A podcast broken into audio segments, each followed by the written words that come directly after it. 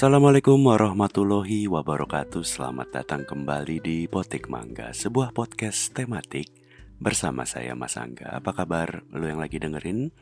Semoga dalam keadaan sehat walafiat. Amin. Ya robbal alamin.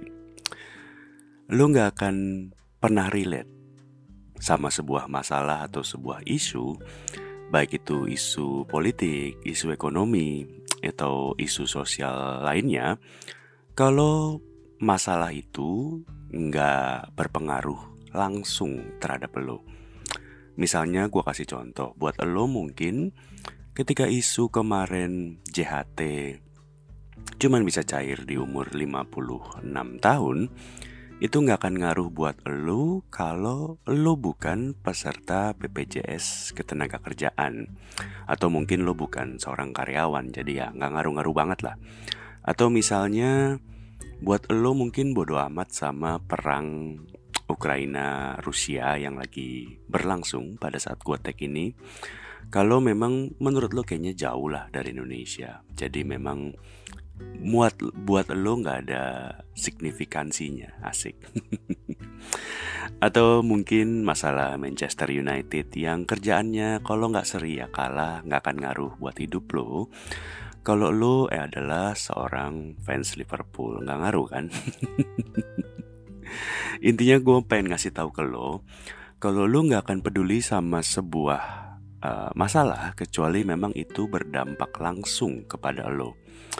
Jadi sebelum kita melangkah lebih jauh dalam episode ini, izinkan saya melempar sebuah tebak-tebakan. Tempe-tempe apa yang susah digoreng? Ada yang tahu jawabannya apa? jawabannya adalah semua tempe susah digoreng sekarang. Karena pertama minyak gorengnya langka, gimana cara menggoreng sebuah tempe kalau minyak gorengnya tidak ada. Yang kedua, tempenya pun juga langka karena kedelainya mahal dan susah di pasaran. Brengsek emang. Jadi gua itu adalah sebuah kok sebuah sih seorang. Gua adalah seorang fans berat, pemuja tempe goreng, gorengan tempe, tempe semur, tempe orek atau ya tempe dalam bentuk apa pun biasanya gua akan suka.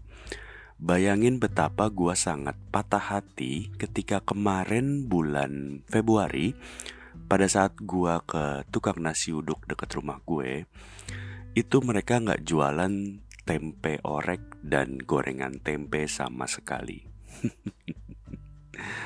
Oke, okay, barangkali pada saat gua ke tukang nasi uduk ini hanya satu penjual doang, satu lapak doang. Kemudian gue ke warteg yang letaknya juga nggak jauh dari rumah gue di warteg ini pun gak ada jualan gorengan tempe maupun tempe orek. Brengsek memang. Ternyata beneran, menurut yang jualan nasi uduk ketika gue tanyain kenapa nggak jualan tempe dan begitu pun begitu ya begitu ya begitu pun kata si mbak mbak warteg itu jadi tempenya itu nggak ada di pasar jadi nggak ada yang jualan tempe di pasar. Gimana mau bikin tempe orek sama gorengan tempe kalau tempe mentahnya nggak ada? Kalau lo inget gue pernah bikin episode mengenai krisis kentang McD di mana McD, McD Indonesia ya Itu sampai gue tag episode ini mereka sementara tidak jualan kentang goreng dalam ukuran large Gue bilang sama lo di episode itu, kalau gue sih ngerasa orang Indonesia mungkin kalau nggak makan kentang goreng ya mungkin nggak apa-apa. Selama McD masih jualan nasi, jualan ayam goreng, kayaknya penjualan McD masih aman-aman aja. Tapi ini adalah tempe. Tempe bro, tempe. ini adalah sebuah isu yang berdampak langsung ke gua dan menurut gua nggak bisa dibiarin gitu aja. Tempe itu menurut gue adalah sendi-sendi kehidupan bermasyarakat di Indonesia. Tempe itu adalah pondasi kokohnya bernegara. Kalau tempe bisa sampai hilang dari etalase warteg, itu artinya negara sedang tidak baik-baik aja. Asli, kok bisa gitu? Tempe hilang dari pasaran. Ini tempe loh, tempe. Tempe. Bukan daging wagyu, bukan lobster, bukan escargot. Ini tempe, for God's sake, tempe. Jadi alasan utama kenapa tempe sampai menghilang dari pasaran, nggak dijual di pasar, karena memang tempenya sendiri tuh nggak ada yang jual di pasar. Kenapa nggak ada yang jual di pasar? Karena dari pabrik atau dari para pembuat atau pengrajin tempe itu mereka lagi nggak bikin tempe. Kenapa nggak ada yang bikin tempe? Para pengrajin atau pabrik tempenya itu itu karena bahan baku utama tempe kedelai itu sedang langka pada saat gua tag episode ini ya. Gue gak tahu pada saat lo dengerin mungkin tempenya udah balik normal. Tapi pada saat ini Tempe atau bahan baku tempe Yaitu kedelai Sedang langka sulit di pasaran Kalaupun ada harganya mahal. Jadi kalau lo gak tahu itu tempe Biarpun jelek-jelek begitu ya bentukannya ya. Jadi kelihatannya tempe itu kan biasa aja ya, uh, murah harganya itu tempe bahan bakunya kedelai impor. Jadi kalau lo berpikir selama ini makan tempe itu cemen, itu lo salah banget. Gua kasih tahu aja itu lo salah banget. Jadi makan tempe itu nggak ada bedanya kayak makan daging sapi Australia atau mungkin coklat dari Swiss atau pepaya Bangkok. Sama itu semua. Sama-sama makanan impor. Tempe itu bahan bakunya kedelai dan Indonesia sekitar 80 sampai 90% kebutuhan kedelainya itu impor dari luar negeri. Mantap kan? Bangga gue sebagai pemakan tempe gitu. Tempe adalah makanan impor gitu. Jadi emang bedanya tempe itu kedelainya yang diimpor dibikinnya di Indonesia. Beda kalau kayak tadi mungkin daging wagyu langsung datang dari luar negeri udah berbentuk daging. Sementara tempe itu tempenya dibuat di sini tapi bahan bakunya impor. Jadi tempe itu ibarat mobil bukan CBU lah, masih CKD. Jadi bahan bakunya impor tapi di manufacturingnya di Indonesia. Impornya dari mana ya? Sebagian besar impornya percaya nggak percaya itu dari negara-negara maju seperti Amerika Serikat, dari Kanada, juga sebagian dari Brazil, Argentina, dan bahkan sebagian dari Malaysia. Jadi memang konon saking banyaknya orang Indonesia makan tempe atau tahu atau bahan-bahan berbahan dasar kedelai, Indonesia itu konon butuh sekitar 3 juta ton kedelai setiap tahunnya. Jadi kalau nggak salah itu dua setengah tonnya itu impor, sementara sisanya dari kedelai lokal. Jadi kalau lo sekarang pada saat lo mungkin mendengarkan ini habis itu lo ke pasar atau lo ke tukang sayur Mulai sekarang kalau lo lihat ada tempe di tukang sayur atau di pasar, lo bayangin aja itu kedelai yang ada di dalam tempe itu jalannya jauh banget.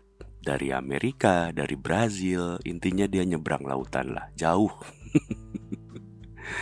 Kenapa kedelai impor itu sampai langka? Jadi konon ada dua hal yang kayaknya ini yang gue baca ya. Kenapa gorengan tempe yang gue suka itu bisa sampai hilang di tukang nasi uduk gue? Itu hal yang pertama konon yang menyebabkan kedelai sampai langka adalah karena babi Cina. iya, babi Cina. Gua lagi nggak ngatain orang Cina, ras Cina, warga negara Cina atau apa pun itu. Tapi babi Cina yang gua maksud adalah beneran binatang babi yang ada di negara Cina.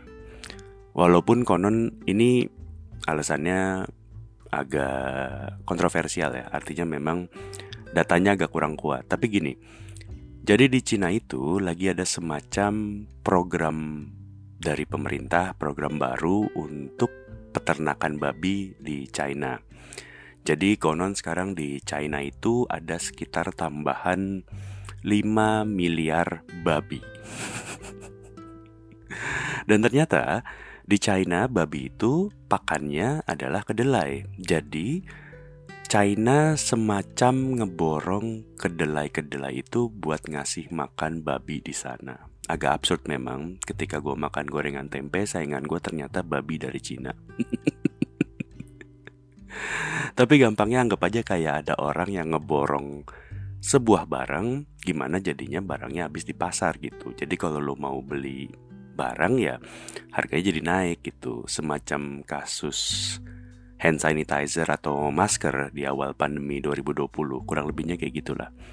Intinya konon si China lagi borong kedelai buat ngasih makan 5 miliar babi di sono. Jadi kedelai di pasaran langka sehingga gua nggak bisa makan gorengan tempe. Kurang lebihnya kayak gitu. Yang kedua, ini mirip sama kasus ketika kentang McD itu langka. Jadi memang ada permasalahan di distribusi. Jadi ada bencana di tempat di mana kedelai itu berasal. Jadi kalau di krisis kentang McD itu itu ada bencana di Kanada tempat kentang-kentang McD itu berasal. Nah dalam kasus tempe, uh, produsen kedelai di negara-negara Amerika Selatan kayak Brazil dan Argentina itu kemarin sempat kena musibah bencana lanina semacam badai atau apalah kurang lebihnya gitu. Jadi di uh, Brazil dan Argentina karena kena bencana itu semacam gagal panen dan sulit buat ngirim kedelai ke negara-negara yang mau impor kedelai. Jadi memang kena bencana, gagal panen, kalaupun ada hasilnya sulit untuk mereka mengirim karena faktor bencana itu. Jadi ya, gue berharap semoga segera pulih dari musibahnya ya. Para negara yang kena musibah itu semoga bisa segera mengirim kedelai ke Indonesia supaya gue bisa makan gorengan tempe. Tapi mungkin Lo mungkin bertanya ya, kenapa Indonesia dengan segitu banyaknya penduduk yang makan tempe, kedelainya bisa sampai impor? Kenapa sih Indonesia tidak menanam sendiri kedelainya? Kenapa harus impor? Karena konon gue baca juga para petani Indonesia ini agak enggan menanam kedelai. Jadi para petani ini lebih prefer nanam padi, jagung atau kacang-kacangan gitu ya ketimbang kedelai karena memang harga jualnya kedelai uh, padi, jagung atau kacang itu sebenarnya katanya mirip-mirip harga jual pada saat panen ya. Tapi konon biaya produksinya lebih tinggi kalau lo nanam kedelai. Jadi memang um, mereka lebih ya ketika harga jualnya sama, lo akan pasti mencari yang kos produksinya lebih kecil atau ketika lo digaji yang sama lo pasti akan memilih pekerjaan yang lebih ringan kurang lebih mungkin faktor pemilihannya seperti itu. Kenapa di Indonesia tidak menanam sendiri kedelainya? Kurang lebihnya kayak gitu. Jadi um, uh, para pengrajin dan pabrik tempe ini kan konon memang lagi mogok jualan ya. Itu konon cuma tiga hari. Jadi di tanggal 21, 22, 23 Februari. Jadi tanggal 24 Februari dan seterusnya konon memang akan kembali membuat tempe lagi. Jadi ya gue berharap pada saat lu mendengarkan episode ini ya keadaan sudah mulai normal ya. Jadi para pengrajin tempe ini udah mulai membuat tempe lagi walaupun mungkin harganya akan naik.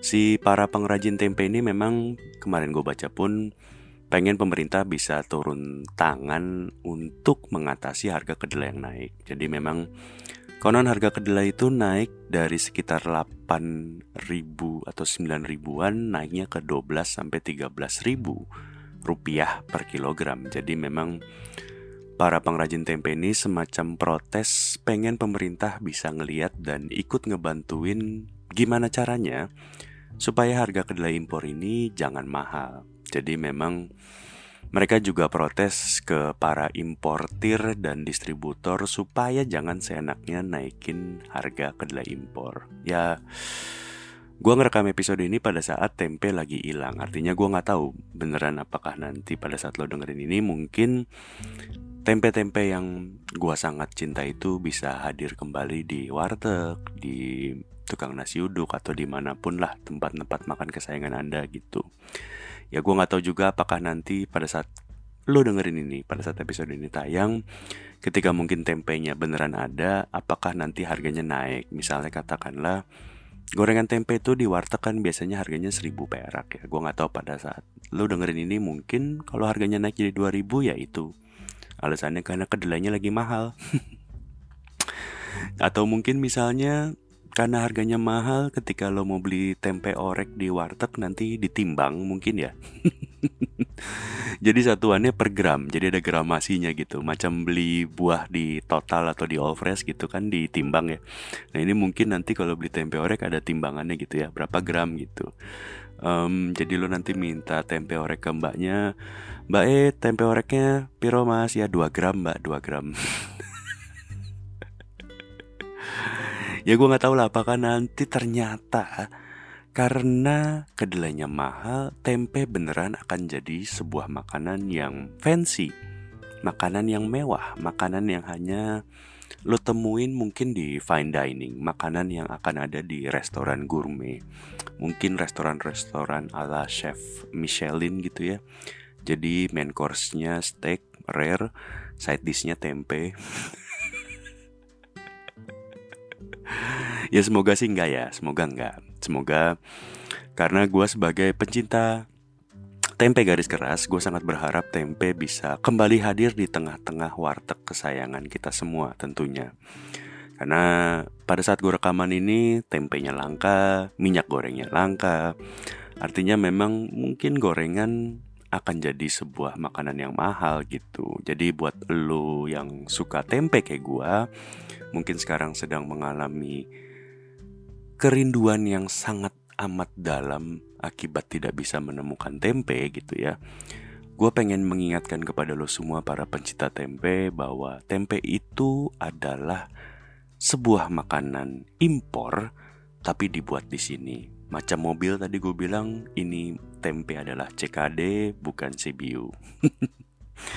Jadi buat lo jangan malu sama orang-orang yang fine dining di restoran mewah, makan wagyu, makan daging impor, makan lobster, makan escargot. Itu tempe yang lo makan di warteg juga makanan impor. Ingat, mulai sekarang kalau lo lihat tempe di tukang sayur, di pasar, atau di mana pun tempe yang mentah, itu lo harus lihat, lo ingat bahwa itu tempe kedelainya jalannya jauh dari Amerika Serikat, dari Brazil, dari Argentina, dari luar negeri, dia nyebrang lautan untuk bisa jadi tempe yang bisa lo makan. Jadi, mulai sekarang lo bisa bilang kalau lo makan tempe itu lo lagi makan Brazilian food. Jadi mungkin ini gue akan tayangin apa ya? Kapan ya?